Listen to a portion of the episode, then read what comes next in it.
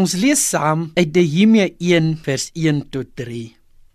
En in die maand Kislew van die 20ste jaar toe ek in die vesting Susan was, het Anani, een van my broers gekom, hy en manne uit Juda.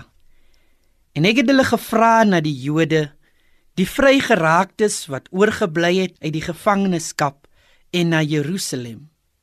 En hulle het vir my gesê die oorgeblewenes wat vrygekom het uit die gevangenskap daar in die provinsie verkeer in groot ellende en in smaad. En die muur van Jerusalem lê stikkend en sy poorte is met vuur verbrand. Dit is nie lank terug toe een goeie vriendin van ons se huis letterlik afgebrand het terwyl sy uitstedig was nie. Sy was hartseer alhoewel sy huisversekering gehad het. Ja, sy is ook 'n diep gelowige kind van die Here. Maar dit het haar nie minder hartseer gemaak oor haar verliese nie. Haar huis was vir haar soos om iets kosbaar te verloor. Sy moes dus by 'n hotel in die dorp inwoon totdat haar huis weer tot sy glorie herstel is.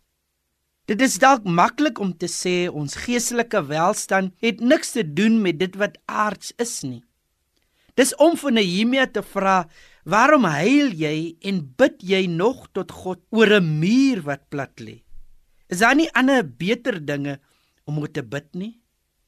Daar kan baie redes wees, maar die feit dat die muur plat lê, bring 'n oneer op die naam van die Here, want dit simboliseer die ontrou van die volk van Israel teenoor hulle God.